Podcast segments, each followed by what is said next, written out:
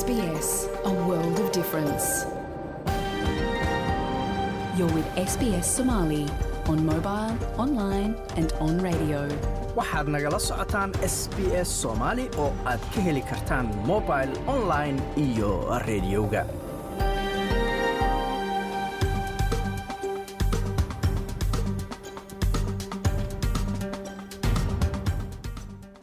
habeen wanaagsan dhammaantiinba meel kastoo aad joogtaan waa habeen arbacaha bisha disembarna ay tahay labaatan iyo siddeed sannadka labada kun iyo labaiyo labaatanka. Halkaad naga dhegaysanaysaanna waa laanta af soomaaliga ee idaacadda s b s oo si toosa idinkaga imanaysa stuudiogaanu ku leenahay magaalada melbourne. Magacayguna waa xasan jaamac. Waxyaalaha aad caawa idaacadda ku maqli doontaanna waxaa ka mid a sida oo la dagaalami lahaa si yacni habkaasaytan ku jira oo meel isugu imaan karaan ee shaah ku cabi karaan ee ku that's my dreamkayga inaan meel accessible meeshaasayto ay ku sheekaysan karaan cunugooda ay kala tashan karaan habkaasu maraya daayadkaasaan ku taraagareeyey systemkaana dhakhtarkaana u tagay ina meel yacni exchange waana la samayn karaa carruur badan oo soomaaliya oo ku dhalata dalalka reer galbeedka ayaa laga helaa cudurka otisimka la yidhaahdo hodan caabi oo ah hooyo haysata ilmo otistiga ayaa ka warramaysa iyo weliba sida hooyooyinka kale markaasi ay uga caawiso siday ula tacaali lahaayeen caruurtooda qabta otisimka sidoo kale waxaad maqli doontaan Removing their hijab, burning the headscarf, some of them showing their anger by cutting their hair. It's showing their. dhowr maalmood oo keliya ayaa ka haray sanadka labada kun iyo labaiyo labaatanka markaasi waxaana aad warbixin ku maqli doontaan arrimihii ugu waaweynaa ee caalamka ka dhacay sanadkan markaasi gebagabada ah iyo arrimo kale marka horese laba wiil oo dhallinyaraa waa wararkii caawa ugu waaweynaa laba wiil oo dhallinyara ayaa maxkamadda la horgeynayaa kadib dilkii hooyo lagu dilay gobolka queensland labaatan iyo lixdii bishan disembar ugu yaraan lixdan qof ayaa ku geeriyooday qabow aad u ba'an oo ka dhaca dalka maraykanka. Ra'isul wasaare antony albanisina waxa uu shakiga ka saaray xilliga la qabanayo aftida loo qaadayo cod ay dadka indigeneska ama dalkan loogu yimid ay ku yeeshaan baarlamaanka federaalka ee dalkan australia. Wararkaas iyo kuwo kale u diyaar garooba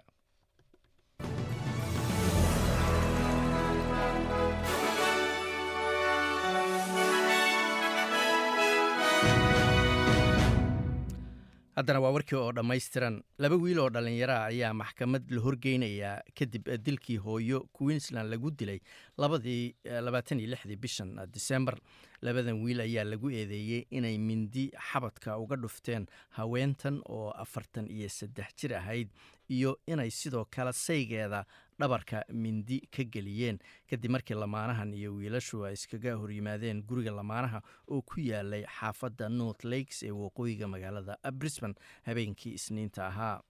Emma lovel ayaa cisbitaalka lagula cararay iyadoo xaaladeedu liidato laakiin markii cisbitaalka la geeyey ayay geeriyootay. Halka saygeeda sidoo kale cisbitaalka la dhigay isagoo qaba dhaawac culus laakiin xaaladiisu degan tahay labadan wiil oo toddobiyo toban jiro ah ayay booliska eyga wataa ay qabteen iyaga iyo laba wiil oo kale oo da-dooda lagu sheegay lix iyo toban iyo sagaal iyo toban. Waxaana raggan la qabtay afar saacadood kadib markii iska horimaadku uu dhacay. Waxaa la filayaa in lagu soo ogo dacwo ah dil iskuday dil iyo inay galeen guri iyagoo ujeedadooda ahay inay xadaan ama dhacaan. Waxaa la horkeenayaa maxkamadda carruurta maanta oo arbaco ahayd john hallam waxa uu ka tirsan yahay booliska queensland waxaana meesha uusan ka saarin in dacwooyin dheeraada lagu soo oogi doono dhallinyaradan The investigation is ongoing. It hasn't ended. Um, I'm quite sure as the detectives walk, work through the. baaritaanku waa uu socdaa ayuu yidhi weli ma dhammaan waxaan hubaa in iyaga oo waa askarta dembiyada baaree iyaga oo shaqadooda sii wata haddii ay helaan buu yidhi dembiyo dheeraada in dacwooyin dheeraada lagu soo oogi doono wiilashan nin askari horey uga ahaa dalkan australia ayaa lagu dilay isagoo ka dagaalamaya dalka ukraine. Ninkan oo la yidhaahdo saig o'donald oo reer victoria ahaa ayaa la aaminsan yahay in la dilay maalmo ka hor ciiddii christmaska. Aabihiis ayaa markaasi warbaahinta bulshada waxa uu dhigay oo uu ku qoray in wiilkiisu dhintay isaga oo la dagaalamaya madaxweynaha ruushka valadimir putin wararka gudahana ra'iisul wasaare antony albanisi ayaa shakiga ka saaray wakhtiga la qabanayo aftida loo qaadayo cod dadka indigeneska ay ku yeeshaan baarlamaanka dalkan australia. Maer albanisi ayaa kaga dhawaaqay arintan isagoo oo ku sugnaa woodford folk festival oo ah festival lagu qabto gobolka queensland maanta oo arbaca ahayd waxaana uu sheegay in marka xilligan oo kale la joogo sanadka soo socda aftida markaasi la qaadayba ama ay dhacday. Waxa uu sidoo kale ku celceliyey in codkan uu noqon doono mid lagu aqoonsanayo dadka aboriginalka iyo torres straight islanderka in lagu aqoonsado dastuurkeenna sidoo kalena lagu xaqiijiyey ayuu yidhi in wadahadal lagala yeesho arrin kasta oo si toosa u saameynaysa shacabka indigeneska ah. Arrimahaas oo ay ka mid yihiin ayuu yidhi waxbarashada caafimaadka guryaha iyo weliba arrimaha cadaaladda maer albanisi ayaa festivaalkan waxa uu u isticmaalayaa fursada inuu ku dhiirigeliyo shacabka australia inay taageeraan aftidaasi. Isaga oo sheegay isaga oo yidhi arrintani waa fursad dadku ay qayb kaga noqdaan midnimo qaran iyo weliba dib u heshiisiin. Halkaad weli nagala socotaan waa laanta af soomaaliga ee idaacadda s b s sidoo kalena wararkaas aftida ayaanu ku jirnaaye wasiirad sare oo ka tirsan dowladda federaalka ayaa iyaduna ugu baaqday shacabka australia inay wax ka qoraan jabtar cusub oo markaasi lagu daro taariikhda dalkan iyagoo taageeraya ayay tiri aftida soo socota ee loo qaadayo codka ay shacabka indigenesku ku yeelanayaan baarlamaanka. Wasiiradda arrimaha dadka dalka loogu yimid linda berny ayaa khudbadan ka jeedisay woodford folk festival. Waa festivaalka muusiga oo ka socda gobolka queensland waxaana halkaasi ay ku qeexday sida ay ugu kalsoon tahay in shacabka australia ay u codayn doonaan oo taageeri doonaan codkan festivaalkan oo soconaya lix maalmood ayaa loogu dabaaldegaabalaya muusiga iyo dhaqanka waxaana la qabtay markii ugu horreysay muddo saddex sano ah waxaana lagu qabtay waqooyiga magaalada brisbane. Ra'iisul wasaaraha ayaa markaasi isagu xaqiijiyey wakhtiga la qabanayo sidii warbixintii warkii horeba aanu inii ku sheegnay. Halkaad weli nagala socotaana waa laanta af soomaaliga ee idaacadda s b s duulimaad diyaaradda jetstar oo ku socday baali ayaa lagu khasbay inay dib ugu soo noqoto magaalada melbourne. Kadib markii diyaaraddaasi ay ku guul daraysatay inay ogolaansho hesho ogolaansho u hesho isticmaalka diyaarad ka duwan tii hore loogu ogolaaday diyaaraddan dambe ayaa qaadi kartay ayaa la yiri rakaab dheeraada jetstar ayaa go'aansatay inay isticmaasho diyaarad ka weyntii ay indonesiyaanku u ogolaadeen oo ay isticmaalaan bowen markaasi duulimaadkaasi. Laakiin waxaa loo diiday ogolaansho iyadoo la sheegay in markaasi labada diyaaradood in jetstar ay isku bedesho aan markaasi aysan ogolaan maamulayaasha indonesiya diyaaradda ayaa dib loo soo celiyey iyadoo hawada ku jirtay afar saacadood. Jetstar ayaa arintan waxa ay ku tilmaantay isfahmi waa dhacay waxayna raaligelin siisay dhammaan rakaabkii arrintani ay saamaysay. Waxay kaloo sheegtay in rakaabkaasi la siiyey qolal hoteelo ay degaan iyo lacag markaasi cunto ay ku cunaan. Sidoo kalena ay ka shaqaynaysay in sida ugu dhaqsaha badan diyaarad kale loo saaro baali isla maanta ugu yaraan lixdan qof ayaa ku geeriyooday dabaylaha qabowga wata ee ka dhacaya dalka maraykanka.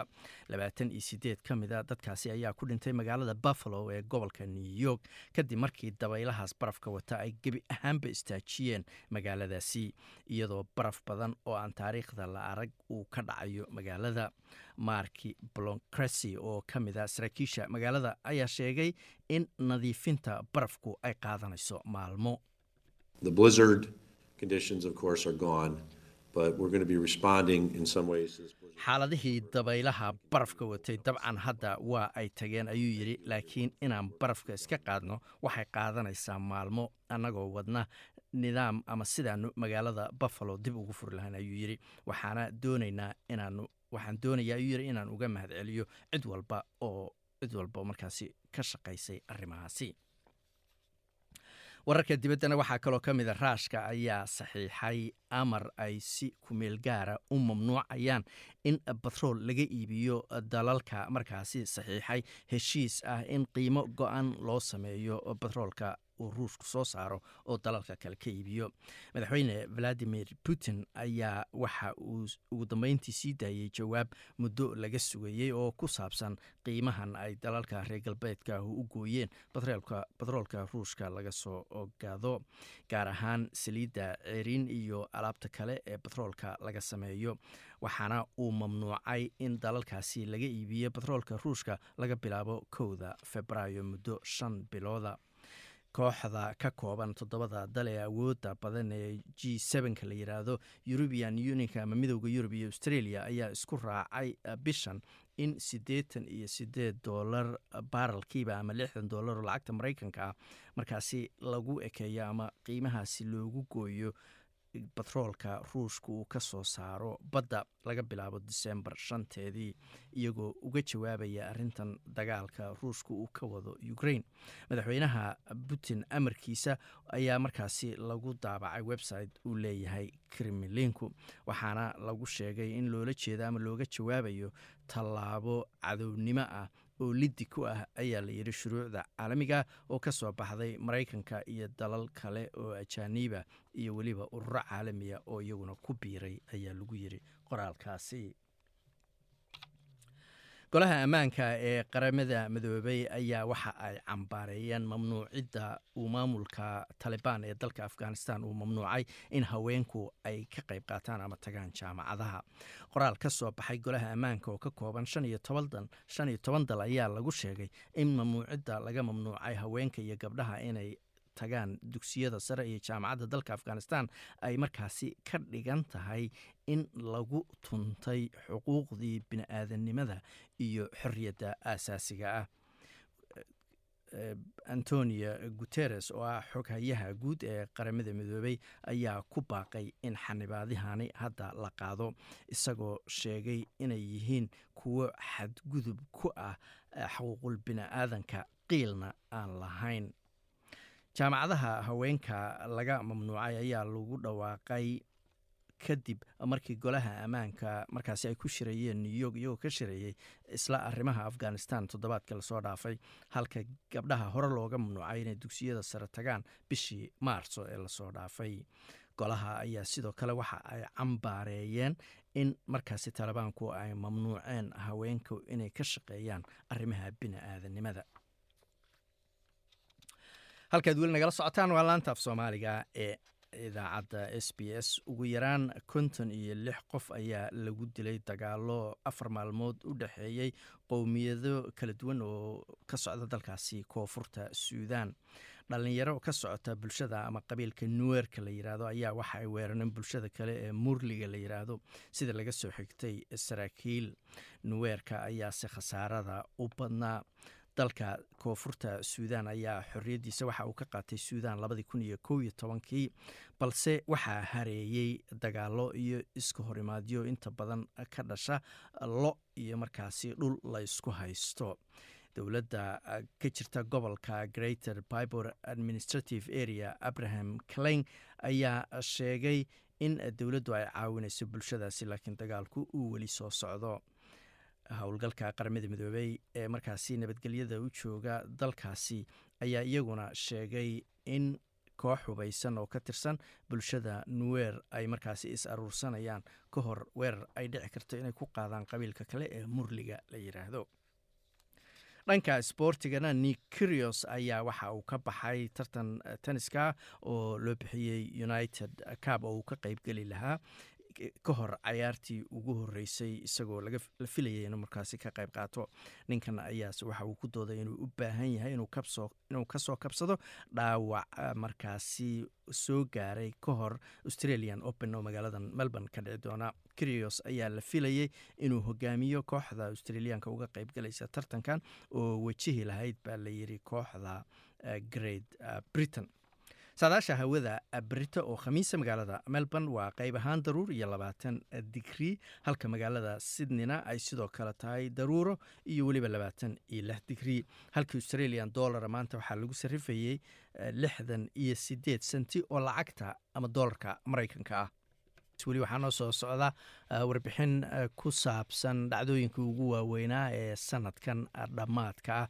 Marka horese carruur badan oo soomaaliya oo ku dhalatay dalalka reer galbeedka ayaa laga helaa ama lagu sheegaa otism inay qabaan? Hodan caabi waa hooyo soomaaliyeed oo haysata ilmo qaba xanuunka otisimka sidoo kalena ka caawiso hooyooyinka kale ee haysta ilmo qaba otisimka sida ay ula tacaali lahaayeen ama wax uga qaban lahaayeen caruurtaasi.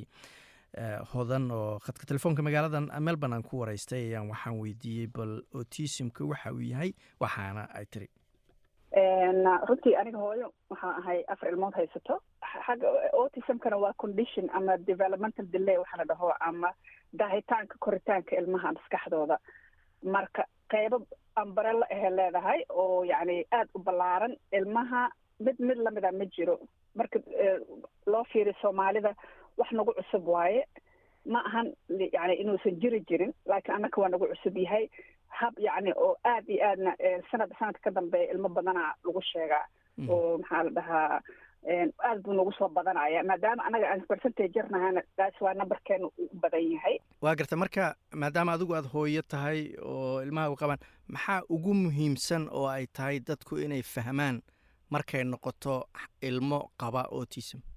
Midda ugu muhiimsan waxa waaye yacni autismka waxa waaye neurological condition ama maskaxda wax ka socdo oo developmental delay ku ridayso ama qofka maskaxdiisa koritaanka maskaxda sida caadiga uma korayso. Ha marka ilmihii hab uu uga duwan yahay marka waa inaad la socotaa ilmaha waxa lagu yaqaano markay dhashaan markay muxuu ahaa bilaabaan inay isgediyaan inay gurguurtaan waxyaala milestone ay leeyihiin yani isbedelaad. Haddaad ka aragta isbedelaadkaasoo dib u dambeeyo waa inaad dhegaysataa horta hore hooyo haddaad tahay waa u foojigtan tahay. Haddii cunug kuugu horreeya yahayna dadkaa wareysanaysaa. Marka badanaa maternal healthiga baa kugu highlight garaynayso maadaama uu laba iyo tobanku bilood ama ilaa saddex sana iyo barka ugu horreysaba ayaga kula socdo. Marka hadday ayaga wax kula tilmaamaan ha ka niyad jabin us dhagaha u fur.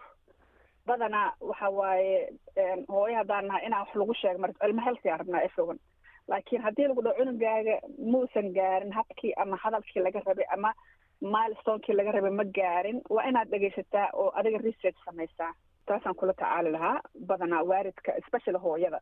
Waa gartay marka ma jirtaa in waalidiinta qaarkood ayba qariyaan in ilmahoodu ay autism qabaan iyagoo ka baqaya in bulshada dhexdeeda la ceebeeyo ama la cambaareeyo runtii waa wax yacni way jirtaa.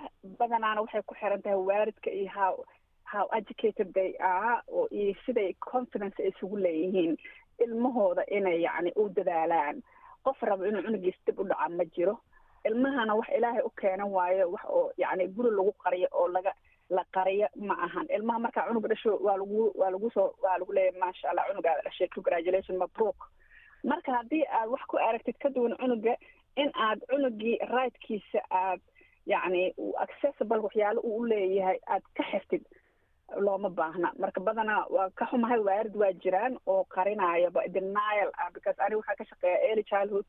Waan arkaa waaridii ajinabi ah oo qarinaya markaad cunuga formka aa ku tiraado cunugaaga ma jiraa waxyaalo la dhaho developmental delay maya aba lagu leeyahay crossaa la saaraa. Markaasa cunugii markii lagu keeno ama educatorka wuxuu leeyahay maxay tahay cunuga anayto? Habkii ama laga rabay ama hadaladii ma lahan. Waaridka marka dib loogu soo noqdo waa inkiraya marka ta annaga taa kama duwanin. Soomaali haddaan nahay.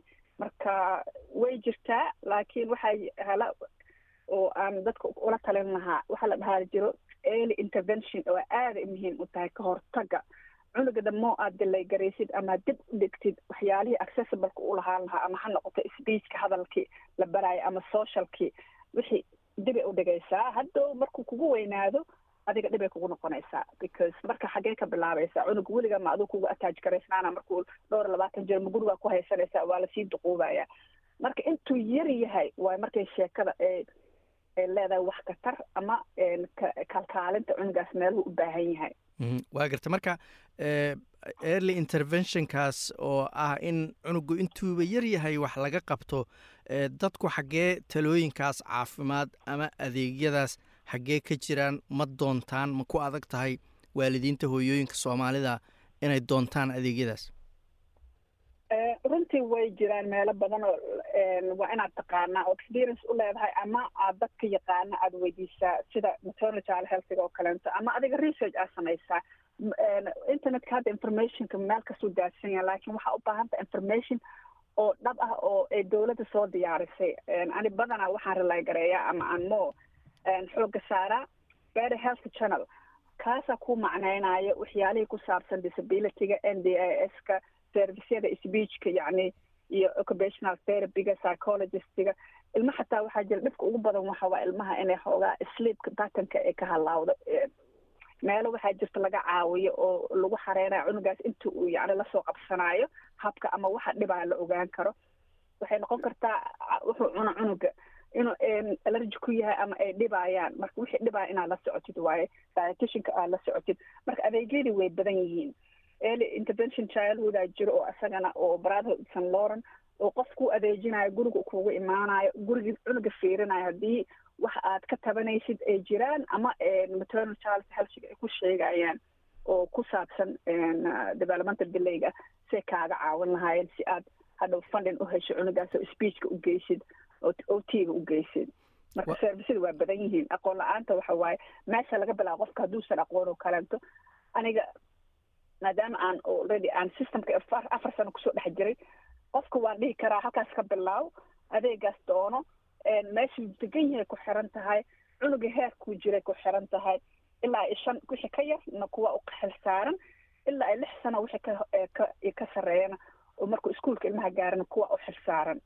Sidii lagaaga caawin lahaa cunugaaseeto waa garta marka hooyooyinka soomaalida oo kale waxaan is leeyahay qaarkood luqadda ama afkaa laga yaabaa inuu dhib ku yahay oo aysan internetka oo kale wax ka raadsan karin. Marka maxaa xal u ah iyagoo kale? Wallaahi hortooda waa aqoon la'aan waa iftiin la'aan soomaalida ku mahmaahdaa haddii aad awoodin adiga oo informationkaas meel aad ka heli karin qof kugu caawiyo waa waa heli kartaa.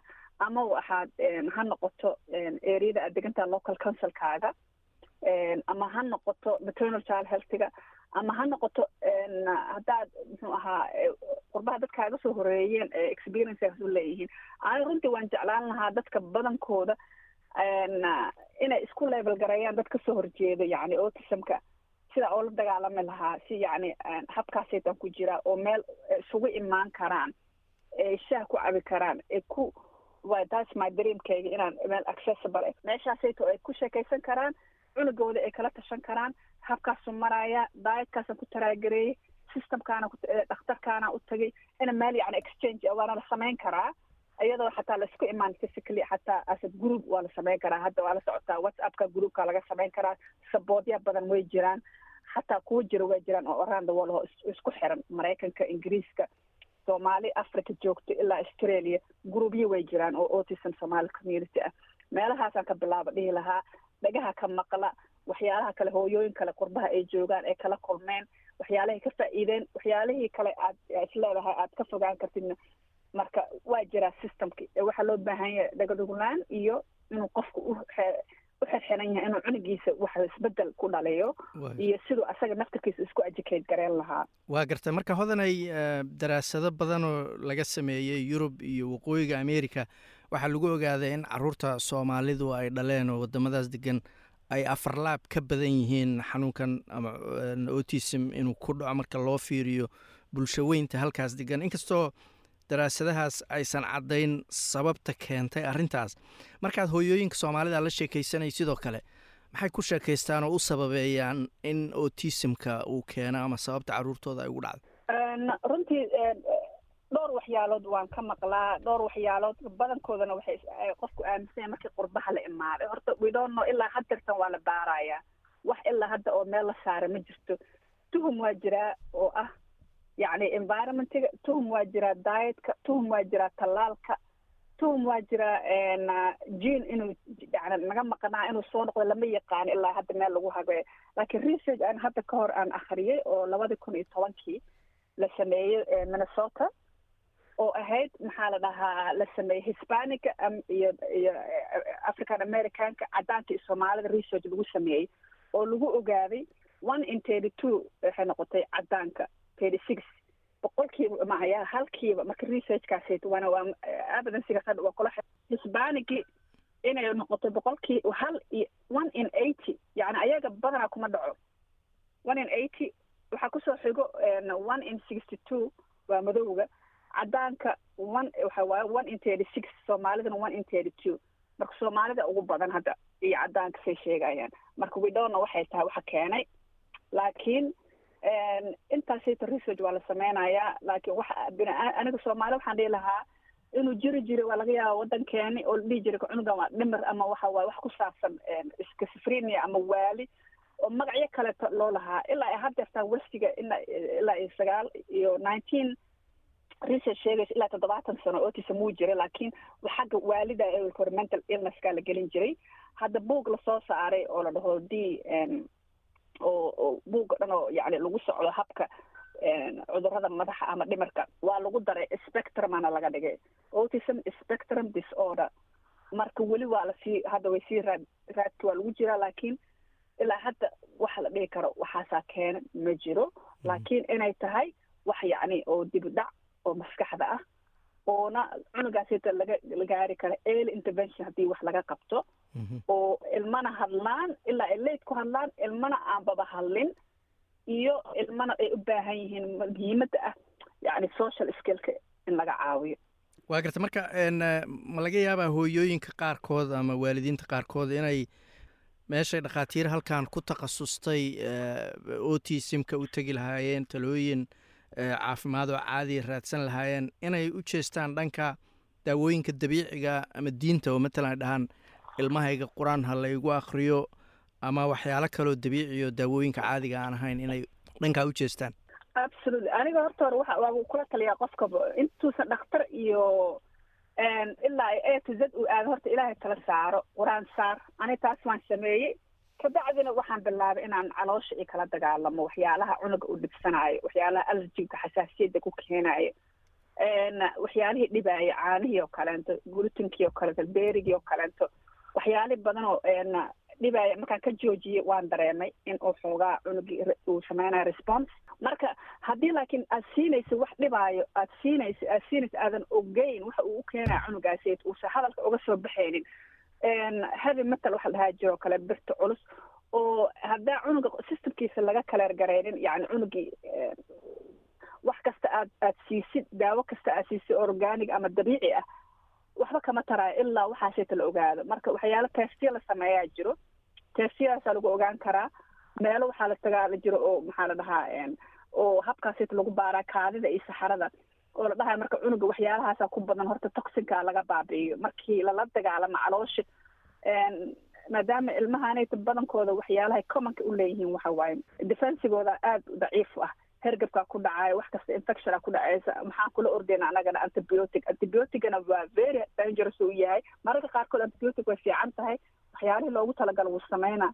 Laakiin cunugaanayt from markuu dhasho afar bilood ilaa haddii lagu waday dadka lininkeedii o dhan uu baabi'inaya markaas waxa u sahlanaanayso waxyaalihii difaaca boodiga oo naturalka ahaa. Haddii waxaas aan la dhisin oo dadka lagala dagaalamin probiotic la siininin way adkaanaysaa. Marka adhowana overwhelm maarkin oo dadku meel laga bilaabo way jirtaa. Horta hore inaad hoos ka soo bilaabo tartiib cunugaaga aad aad observation ku samaysid waxyaalaha oo markaa cunto aad siisid behaviorkiisa ama calooshiisa ilmaha waa quick ay kugu tusaayaan. Within minutes waxa dhibaayo marka waa inaad dhagahaaga indhahaaga u furan yihiin aad dhakhtarkana kala socotaa. Badanaa hooyada ilmaha ayadaa og ayadaa cod u ah haddii cunuga u ku sheeganaynin wixii uu meesha xanuunka ka hayay waa ina adiga dareentaa oo aad tijaabisaa marba wax ku tijaabisaa. Dhakhtarkana uga horeysaa kani kanaan ku arkay kanaan ku arkay maxay kula tahay?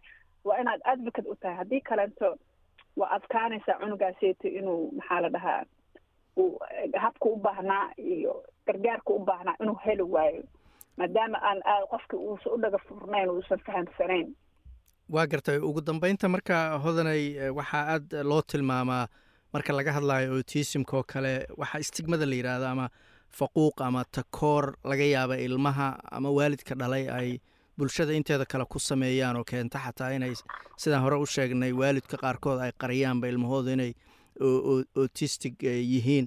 Marka takoorkaas iyo faquuqaas oo kale bulshada dhexdeeda sidee loola dagaalami karaa? Sidee looga hortegi karaa? Sidee wax looga qaban karaa? Runtii taas aad waa very challenging waayo waa midda ugu adag oo qofka waalidkaasi hadduusan calool adkayn uusan u soo banaan bixi karin banaanka maadaama isha lagu fiirinayo iyo dadka waa horta inuu qofka aad adag yahay dhaba adeeg leeyahay inuu ilaahana kala saarto cunugaasaytana wuxuu u baahan yahay uu heerkiis ka soo baxo stigmaha waxaa la dhaho ama takoorkaanayto inaba ma la avoid garayn kara ma aha way jirtaa laakiin maxaa uga adkaan kartaa waxaa looga adkaan kartaa education public education ama wacyigelin bulshada ah iyo adiga ina cunugaaga sida aad isku dafan garayn lahayd without apologizing cunuga rigtka uu leeyahay. Marka qaarkood waa inaad u soo keentaa meelaha public baga waa inaadan yacni ciyaartaas uu helaa haddii intaa ilaalin karta ilaali ilmaha kale hadduu wax u geysanayo ama ama asaga wax loo geysanayo laakiin waa inaad rightkiis ka soo baxdaa. Inaad dhahdid ma waan markii baaga cidlo noqdo habeenbar waa habeenbara cunuga meel geynaysaa waa inuu cunugii maalinta iftiinka iyo hawadaasayta iyo greenkaas meelaha baaga ah indhaha u furmanaya koritaankiisa aad iyo aad ay muhiim ugu tahay. Marka guriga afarta wool waxba uma tarayso.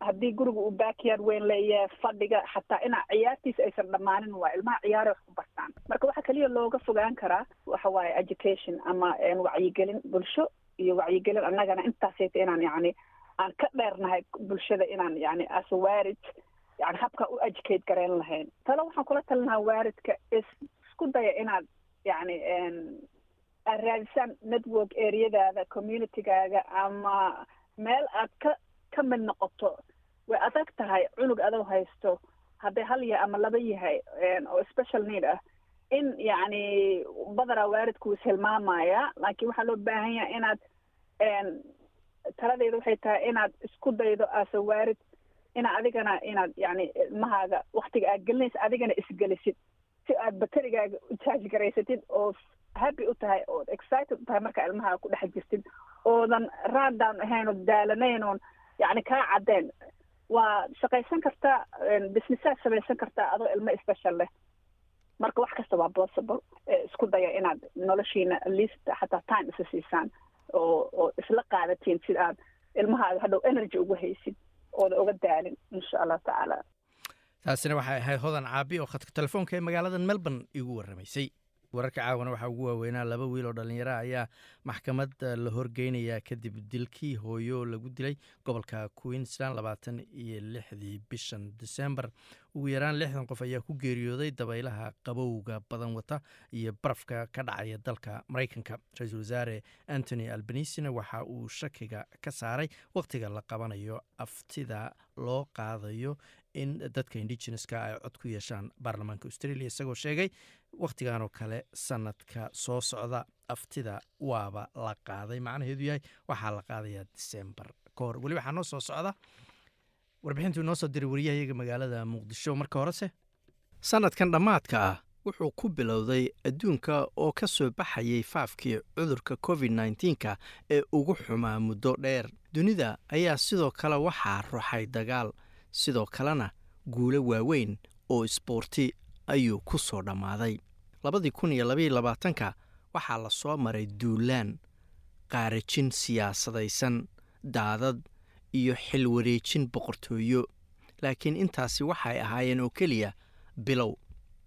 Iyada oo dalalka caalamku ay ka soo kabanayeen saamayntii ugu xumayd ee uu reebay faafkii covid nneteen-ka qulqulado kale ayaa adduunka ka soo baxayey sanadka labada kun iyo labaiyo labaatanka waxaa beesha caalamka ruuxay masiibooyin colaado dibadbaxyo waaweyn.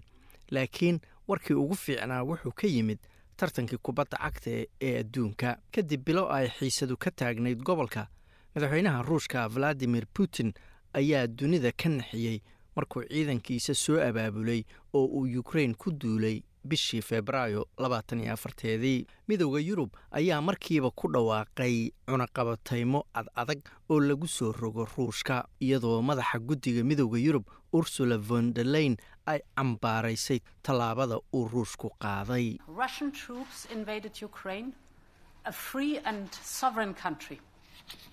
Ciidanka ruushku waxay ku duuleen yukrain dal madax bannaan oo xora oo ku yaalla bartamaha yurub haween carruur iyo rag aan waxba galabsan ayaa dhimanaya ama u cabsanaya naftooda.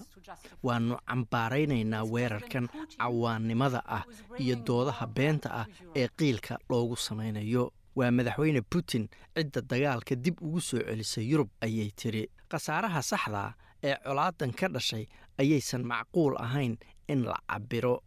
Laakiin qiyaasaha intooda badan waxay dhimashada ku sheegaan tobannaan kun oo qof. Halka kaabayaashii dhaqaale ee yukrain ay weerarada cirka ee ruushku dhaawacyo waaweyn u geysteen. Colaad ayaa sidoo kale ka dilaacday bariga dhexe iyadoo iiraan ay ka bilowdeen dibadbaxyo waaweyn oo looga soo horjeedo sida ay dowladdan diinta ku salaysan ula dhaqanto haweenka. Sebteembar lix iyo tobankeedii ayay ahayd markii mahsa amiini oo labaatan iyo laba jir ah iiraaniyadna ah ay dhimatay iyadoo u xirnayd booliska anshaxa ee iiraan iyadoo lagu haystay inaysan xijaabka sidii ku habboonayd u xiran. Taas ayaa waxaa ka dhashay dibadbaxyo waaweyn iyo ololo looga soo horjeedo gacanka hadalka dowladda iyo sida haweenka loola dhaqmo dalkan.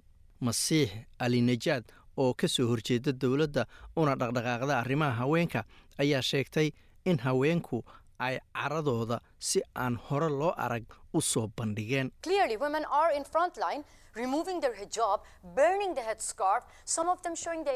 Waa mid cad in haweenku ay ku jiraan jiidda hore oo ay xijaabkii iska tuureen ama iska qaadeen oo ay gubayaan xijaabkii. qaar ka mid a caradooda waxay ku muujinayaan iyaga oo timaha iska jaraya waxay ku muujinayaan qaab baroor diiqah qaab dibadbax ah haweenka iyo ragga oo iskaashanaya waxay gubayaan gawaarida booliska sababtuna waxay tahay sannado badan ayay gawaaridaas boolisku ahaayeen. Aalad dadka lagu caburiyo ayay tiri.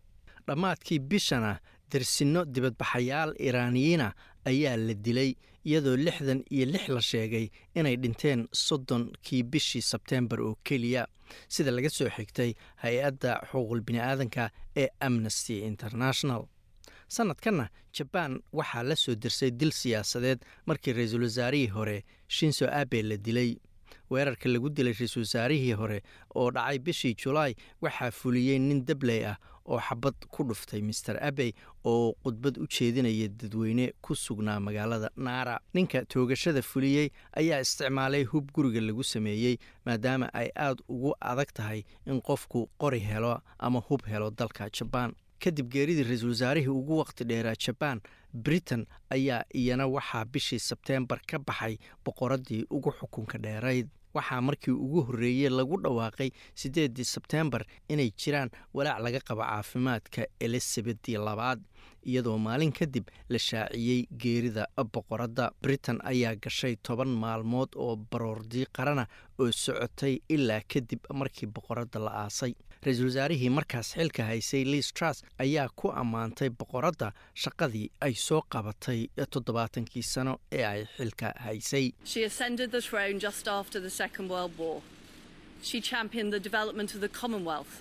waxay carshinka boqortooyada soo fuushay wax yar uun kadib dagaalkii labaad ee adduunka. Waxay horyaal u ahayd samayntii barwaaqo sooranka oo markii hore ahaa oo keliya koox yar oo ka kooban toddoba dal kadibna noqotay konton iyo lix dal oo ku faafsan qaaradaha adduunka oo dhan. U k hadda waa dal casriya oo kobcaya ayay tiri wakhti adag iyo mid fiicanba boqorad elizabeth waxayna siin jirtay xasilooni iyo adkaysiga aanu u baahannahay ayay tiri ra'iisul wasaare liis halka britain ay ka baroor diiqaysay geerida boqoradda xubin kale oo ka tirsan dalalka barwaaqa sooranka ayaa wajahday masiibo taariikhiya intii u dhexaysay juun iyo oktoobar waxaa dalka bakistan ku dhuftay daadad iyo dabaylaha maansuunta loo yaqaan oo burburiyey kaabayaashii muhiimka ahaa sababayna dhimashada dad lagu qiyaasay kun iyo toddoba boqol oo qof oo bakistaaniyiina wadooyinkii dalagyadii beeraha iyo buundooyinkii ayaa waxaa qaaday waxaa lagu sheegay daadadkii ugu xumaa ee saameeyey muwaadiniinta dalkaasi u dhashay oo gaaraya soddon iyo saddex milyan oo qof labadii kun iyo labaiyo labaatankii waxaa dhacay isbeddel weyn oo ah dhanka juquraafi siyaasadeedka adduunka iyada oo kan ugu darnaa uu ka dhacay dalka brazil. Bishii oktoobar siyaasiga dhanka midig ee fog madaxweyne jeyer bolsonaro ayaa noqday madaxweynihii ugu horreeyey taariikhda brazil oo looga adkaado dadaal dibu doorasho ah. Markuu helay afartan iyo sagaal dhibic hal boqolkiiba codadkii oo keliya halka ninkii ka soo horjeeday uu helay konton dhibic sagaal boqolkiiba. Madaxweynaha garabka bidix ee la doortay horena u soo noqday madaxweynaha lula da silva ayaa aad uga duwan bolsonaro oo tuuray shuruucdii lagu difaaci lahaa bii-adda kana gaabiyey jawaabtii laga bixin lahaa faafkii covid nneteen-ka arrimahaas oo master bolsonaro aad loogu dhaliili jiray intuu xilka hayay.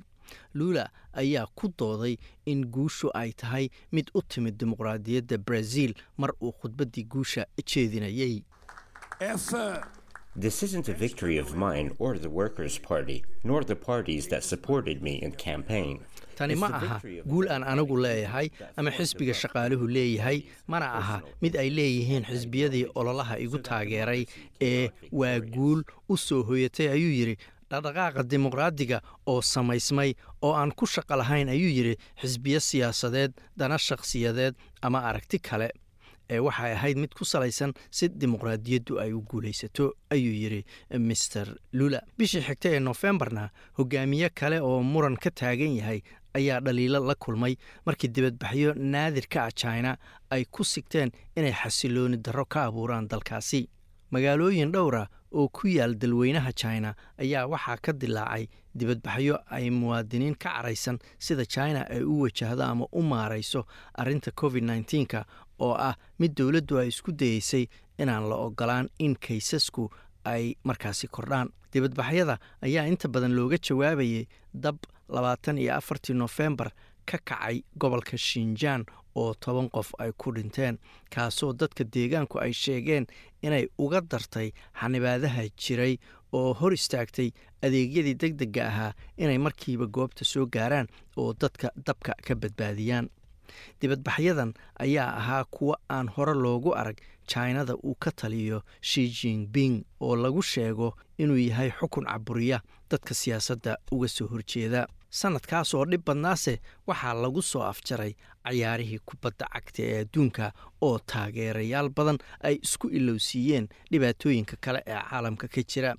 Tartanka ayaa waxaa ka buuxay arrimo yaab iyo lama filaan ahaa iyadoo kooxda argentiin oo uu hogaaminayo leonel messi ay ku guulaysteen koobkii tartankan oo lagu qabtay dalka qatar ayaa waxaas waxa uu soo maray dhibaatooyin badan ka hor inta aan tartankuba bilaaban iyadoo ay soo baxayeen warar sheegaya in shaqaale ajaaniib ah oo ka badan lix kun iyo shan boqoloo qof ay ku dhinteen inta ay dhisayeen garoomadii lagu cayaarayey taas ka sokow cayaaraha ayaa ahaa kuwo cajiiba oo heer sare ah.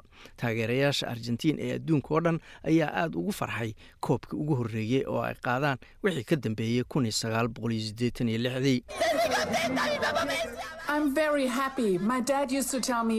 aad baan ugu faraxsanahay. Aabbahay wuxuu igu oran jiray valentina waxaan rabaa inaad aragto argentina oo ku guulaysatay koobka kubadda cagta ee adduunka. Hadda waxaan la wadaagi doonaa ayay tiri gabadhaasi dareenkayga aabbahay halkaad warbixintaas kala socoteen waa laantaaf soomaaliga ee idaacadda s b s. Dalka soomaaliyana madaxweynaha jamhuuriyadda jabuuti ismaaciil cumar geele ayaa gaaray magaalada muqdisho halkaas oo lagu soo dhoweeyey garoonka diyaaradaha ee aadan cadde iyadoo halkaasi ay ku soo dhoweeyeen mas'uuliyiin kala duwan oo ka tirsan dowladda federaalka iyo weliba madaxweynaha dowladda federaalka ee soomaaliya xasan sheekh maxamuud. Madaxweyne geele ayaa markaasi la geeyey villa soomaaliya kadib munaasabad kooban oo soo dhoweyna oo loo qabtay halkaasoo la filayo inuu wadahadal kula yeesho madaxweynaha soomaaliya xasan sheekh maxamuud. Labada madaxweyne ayaa sidoo kale la filayaa inay si wadajira xariga uga furaan xarun cusub oo akademiyada goboleedka af soomaaliga sida lagu sheegay markaasi xaruntaasi. Wixii ka soo kordhana waanu inala socodsiin doonaa. Haddana waa warbixintii uu noo soo diray wariyahayaga magaalada muqdisho wasiiru dowlaha wasaaradda gaashaandhigga xukuumadda soomaaliya iyo taliyayaasha ciidanka xoogga dalka iyo dhulka ee militariga soomaaliya ayaa booqasho ku tegey goobihii dhowaan laga saaray ciidamada xarakada shabaab ee degmooyinka gobolka shabeellaha dhexe. Taliyayaasha ayaa halkaasi warbixin kaga dhegaystay taliyaha hogaanka ciidanka militariga ee ku sugan degmada ruunirgood ee ka tirsan gobolka shabeellaha dhexe oo dhowaan dagaal ay kula wareegeen. Horta waxaan rabaa warbixin yar oo kooban inaan taliyaha xoogga iyo taliyaha ciidanka dhulkaba aan halkan u sheego. Taliya halkan ciidankan muddo saddex bilood ku dhowaada ayay halkan ku jireen. Xilliga aad ogeed oo masaajida caliguduud iyo eryooyinkaas ayaa carrigan yimideen. Intaas carriga waa la joogay. Waxaa jira ciidankan waxaa ka mid ahay saddex iyo toban nin oo baabuur miinan la kacday oo qaar ay lugaha ka go'eenu waxay ka mid ahaayeen raggaan meesha fadhiya waxaa kaloo ku xiga baabuur labaad oo asiguna nuur dugle iyadoo loo socdo meeshii la dhihi jiray huuri weyne isagana miina la kacday. Saddex nin oo sarkaal mijirhu uu ku jiro ayaa ku dhintay. Marka halganka muxuu ahaa inta ay ku jireen horta waxaan rabaa inaan idiin sheego. Intaas ayaa xoogo soo taabatay inta haddee waa wixii loo yimid waaye in baabuur miina la kacdo iyo in qof dhinto wax ka weynaa loo socday intaanoo dhan waxaa laga rabaa inay u dhintaan dalka iyo dadka inay u dhintaan. Guud ahaan soomaaliya dagaala ka socda dowladdaa wadda waxaa hoggaan u ahaa ciidanka xoogga dalka soomaaliyeed iyo wasaaradda gaashaandhigga waxaa loo socdaa in dadka cadowgan dhibaatada ku haya laga dulqaado waay wax la halmaami kara maaha. Waa ognahay habeen walba inay aysan guryahoodii tegine ciidanka dhufayska ku jira ay dhufaysba habeen seexanayeen. Marka dadka iyo dalka ilaahay weyn xaggiisaaad abaalmarin ka heli doontiin waana idinku mahadinaynaa shaqadaas aad qabateen. Annaguna waxaan ballan qaadaynaa haddii alla yidhaahdo dadkan meesha fadhiya waxay ciidanka xoogga dalka soomaaliyeed iyo waxay isugu jiraan iyo dadka dib u xoraynta intaynaasuba waxaa weeye waxaan ku xoogaysannahay taliska xoogga dalka soomaaliyeed. Marka waxaan hortiinna ka ballan qaadaynaa in inta cadowgu ka dhimanayo annagana naftu nagu jirto inaan garabkiinna taagannahay dhanka kale taliyaha ciidanka militariga jenaraal odowa yuusuf raage ayaa halkaasi ka jeediyey khudbad ku aadan faahfaahinta howlgallada iminka socda waxaana uu sheegay in ay dhowaan gaari doonaan deegaanada kale ee ka maqan gacanta ciidanka dowladda soomaaliya. Taliyaha waxa uu soo hadal qaaday jidgooyooyin la sheegay in ciidamada qaarkood ay dhigtaan deegaanada waxaana uu hoosta ka xariiqay in aan la aqbali karin isbaaro isbaara u taalla meesha lagu arkaa lagu dila xataa maxkamad lama geynayo. Meesha lagu arkaa lagu dila isbaareed ma la qaada karo.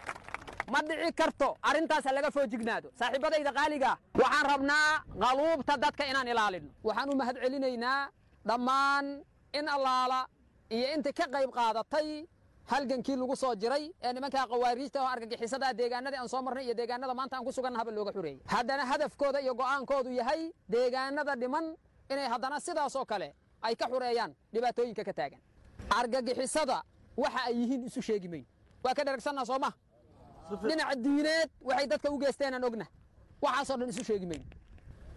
Deegaanadii aan soo marnay haddii hooyada soomaaliyeed aabbaha iyo gabadha soomaaliyeed iyo wiilka soomaaliya ay maanta faraxsan yihiin waxaa noo dhiman deegaano madaxa aanay weli kor u qaadin oo weli ay ilmaynayaan hooyooyinka soomaaliyeed iyo aabbayaashaya wiilasha ee gabdhaha ku sugan weli ay ilmaynayaan oo ay ku jiraan gacantii arxanka darreed oo aad ogeedeen ma uga hal karnaa ma uga hal karnaa way cadceedinayaan dhinacaanay soo eegooyaan cidda ay ka sugayaanna waa allah subxaana wa tacaala iyo intiina inta fadhisa iyo inta idin la midka ah ciidanka qaranka idin garab taagan horey gadaal idinka xiga. Waxaan rabaa marka saaxiibadayda qaaliga ah hadafkeenna qofna inuusan eeg waa la daala waa la dhimanaa yes dagaalka intaan ku jirna dad aad noogu qiimo badana wey doona oo dhimo doona dhaawacmina doona sababtoo ah halganaan ku jirnaa soo maahan waa shuhaado waa shuhaado culummadaa ka fadwootay ahludiinkaa noo sheegay kuwa ay dilaan inay ahlu jinno yihiin kuwa dilan inay ahlu janno yihiin. Marka walwalgay weyn kama qabno. Cidda dhimanaysa oo shahiidaysa ilaahay xaggiisaanba naxariis uga rijaynaynaaba ta ka raale taliyaha ciidanka dhulka. Saddex bilood oo obereshinku intuu socdo ka mid ahayd wuxuu fadhiyey gobolka hiiraan. Bishii kalena wuxuu fadhiyey gobolka shabeellaha dhexe. Oo marna cadalo fadhiye marna aadaya bal fadhiye meesha aan maanta taagannahay iyo taka raale cadowga meeshaan xabadda uga soo bilowno shan boqoloo kilomitir ay isu jiraan. Shan boqoloo kilomitira la soo nadiifinaya ciyaar miya? Dheedheel ma taha dadku wada fiiri maayaan. Intee laga keenay? Intay ka soo socotay lama leh.